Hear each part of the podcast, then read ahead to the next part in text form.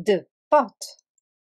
De put was erg diep en daarom moest er een lang touw zijn.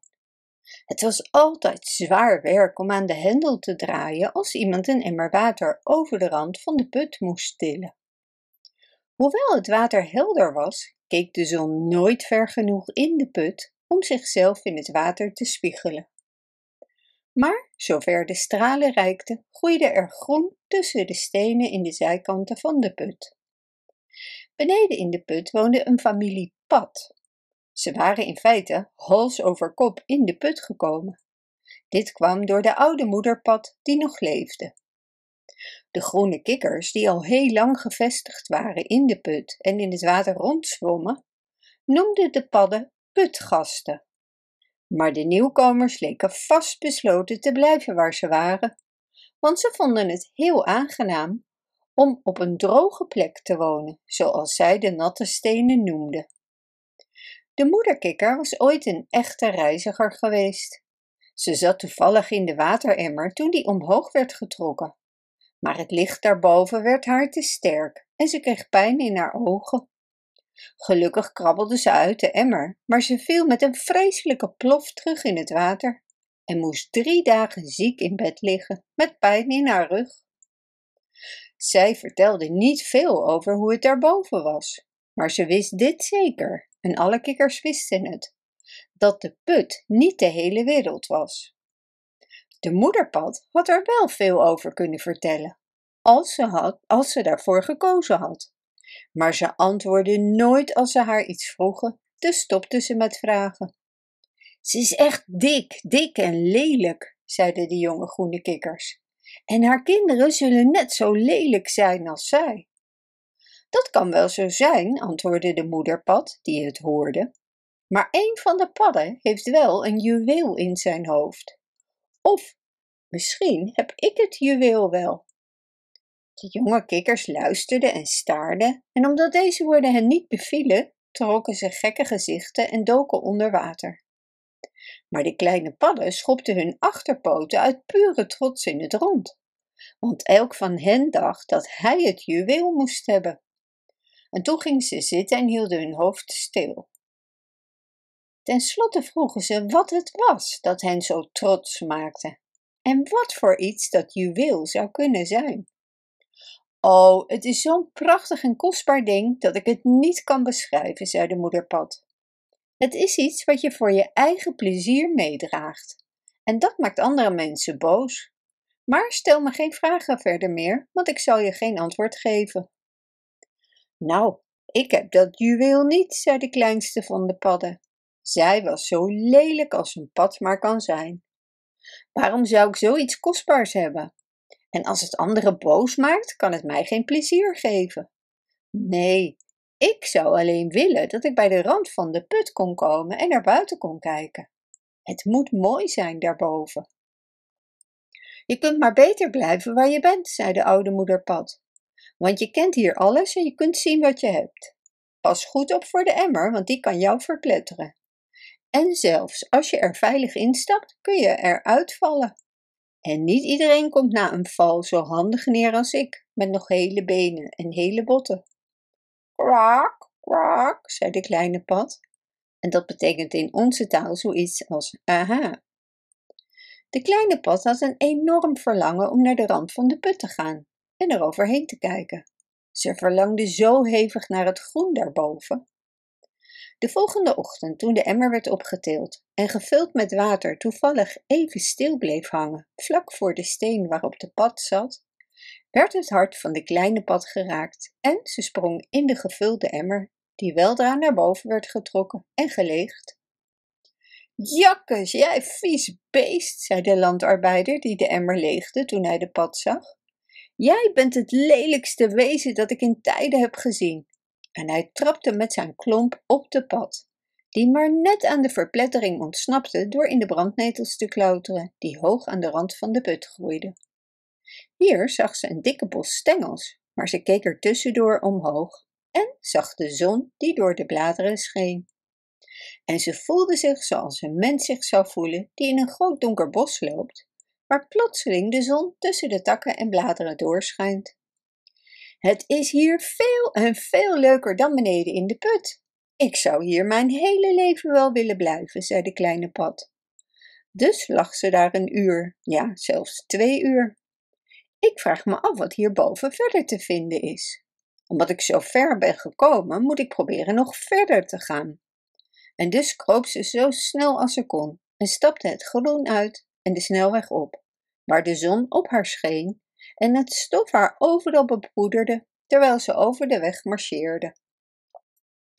Ik ben nu in ieder geval op een droge plek, daar is geen twijfel over mogelijk, zei de pad. Maar het is hier bijna te veel van het goede. Het stof kriebelt zo. Ze kwam bij een sloot waar vergeetminnetjes groeiden. Een heel eindje verderop was een haag van witdoorn en daar groeiden ook vlierstruiken en winden met witte bloemen. Vrolijke kleuren waren hier te zien en ook een vlinder fladderde voorbij. De pad dacht dat het een bloem was die was losgebroken om er beter uit te zien in de wereld, wat haar heel natuurlijk leek om te doen. Kon ik ook maar zo'n reis maken, zei de pad. Kwak, wat zou dat een rijkdom zijn. Acht dagen en acht nachten verbleef ze in de buurt bij de put en had geen gebrek aan proviand. Op de negende dag dacht ze: vooruit, voorwaarts. Maar waar kon ze nog een mooiere plek vinden? Misschien ergens waar een andere kleine pad was, of een paar groene kikkers waren.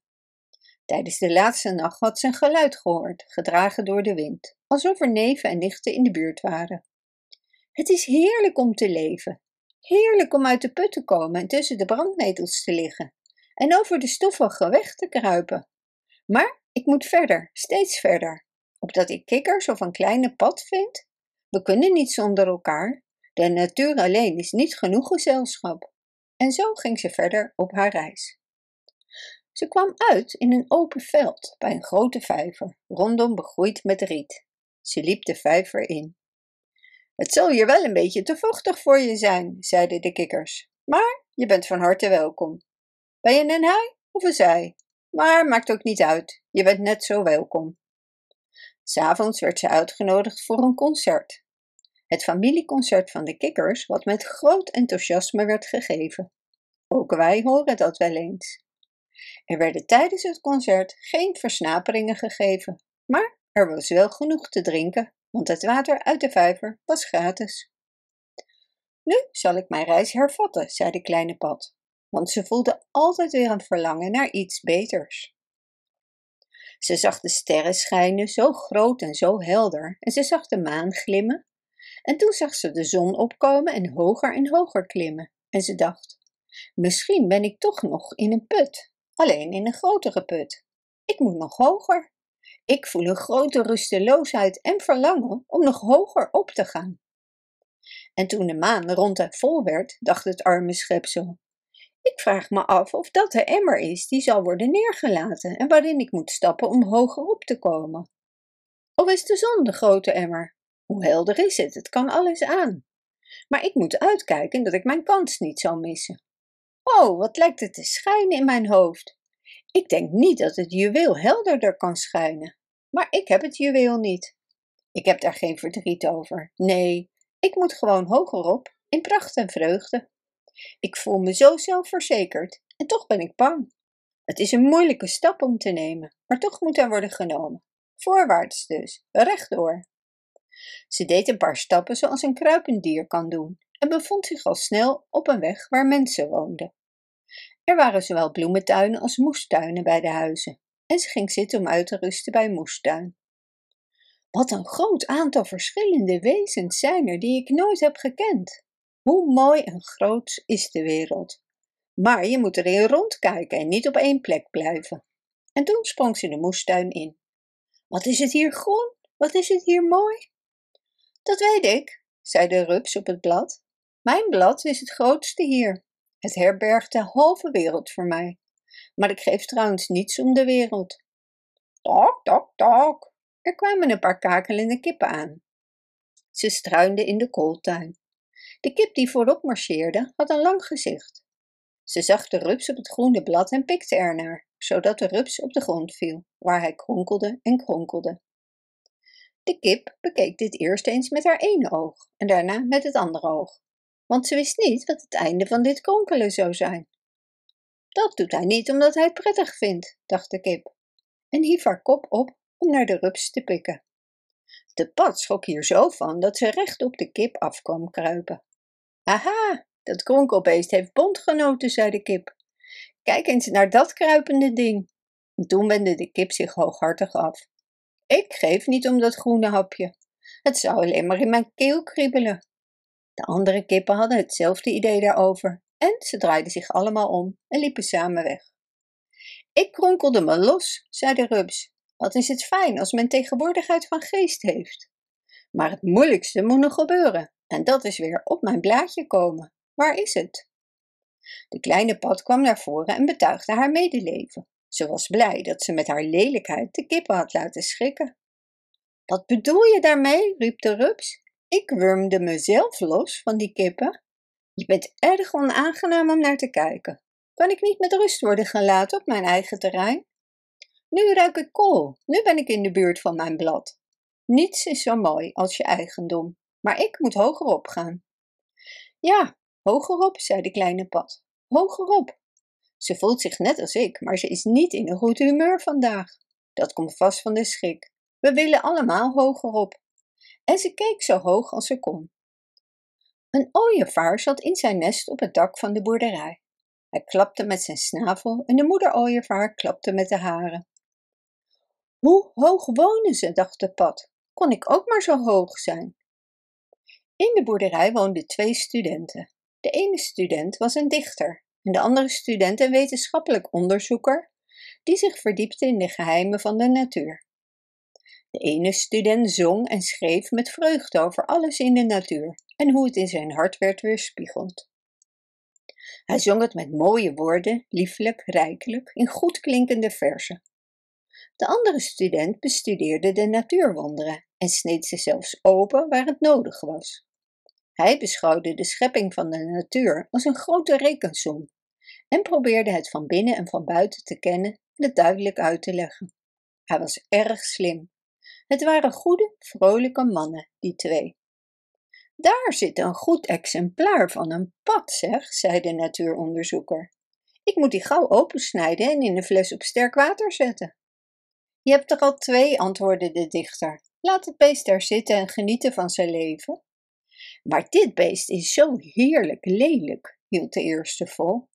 Ja, als we die juweel in zijn kop konden vinden, zei de dichter, dan zou ik wel voor opensnijden zijn. Een juweel, riep de natuuronderzoeker. Je schijnt veel te weten over natuurlijke historie. Maar is er niet iets moois in het populaire geloof dat de pad de lelijkste van alle dieren is, maar hij toch het kostbaarste juweel in zijn kop draagt? Is dat niet gewoon hetzelfde met mensen? Wat een juweel was Aesop en Socrates dan, hij was helemaal bijzonder. De pad hoorde daarna niets meer en begreep ook niet de helft van wat ze had gehoord. De twee vrienden liepen verder en zo ontsnapte de pad aan het lot om doormidden gesneden in een fles op sterk water te worden gezet. Die twee hadden het ook over het juweel, zei de pad tegen zichzelf. Wat een goede zaak dat ik het niet heb gekregen. Ik zou dan in een zeer onaangename positie hebben gezeten. Toen werd er tegen het dak van de boerderij geklapwiekt. Vader Ooievaar hield een toespraak voor zijn familie en ze keken neer op de twee jonge mannen in de moestuin. De mens is het meest verwaande schepsel, zei de ooievaar. Luister hoe hun kaken kwispelen en ondanks dat kunnen ze niet goed klapwieken. Ze scheppen op over hun gaven, hun welsprekendheid en hun taal. Ja, echt een mooie taal, maar die taal verandert elke nieuwe dag. En ze begrijpen elkaars taal niet. Nu, wij kunnen tenminste onze taal spreken over de hele aarde, zowel in het noorden als in het zuidelijke Egypte. En dan kunnen mensen ook niet eens vliegen. Ze haasten zich voort door middel van een uitvinding die ze spoorweg noemen. Maar ze breken er ook vaak hun nek nog over. Mijn snavel wordt koud als ik eraan denk. De wereld zou echt verder kunnen zonder mensen. We zouden ze heel goed kunnen missen, als we maar kikkers en regenwormen houden.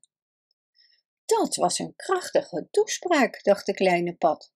Wat een geweldige man is dat daar ginds. Wat zit hij hoog? hoger dan ik iemand ooit heb zien zitten. En hij kan vast ook nog zwemmen, riep ze, terwijl de ooievaar met uitgespreide vleugels door de lucht zweefde.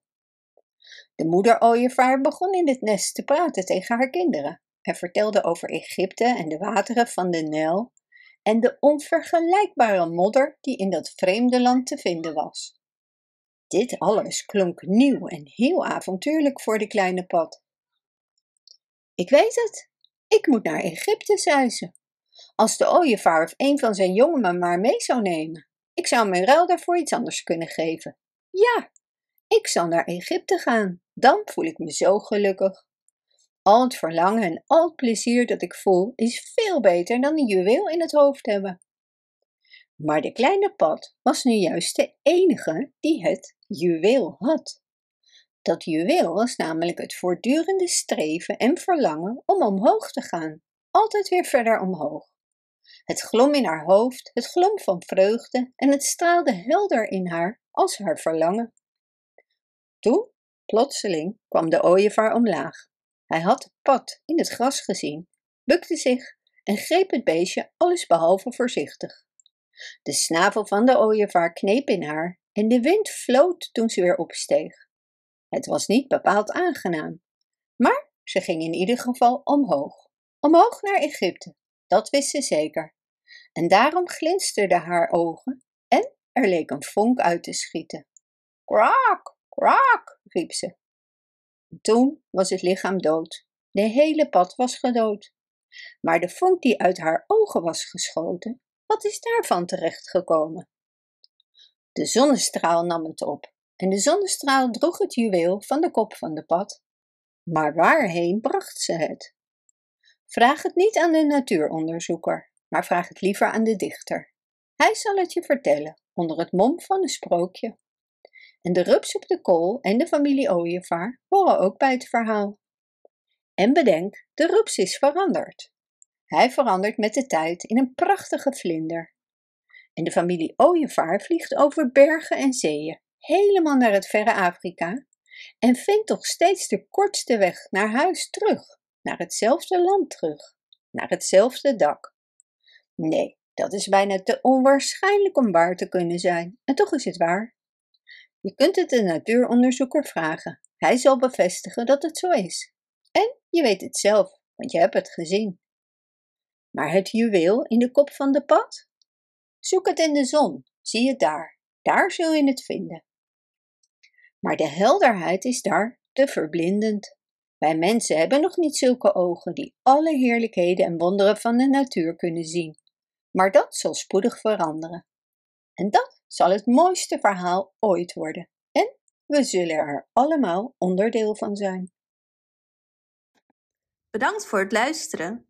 Wist je dat je dit verhaal ook op onze website ridiro.com/nl kunt lezen, downloaden en printen?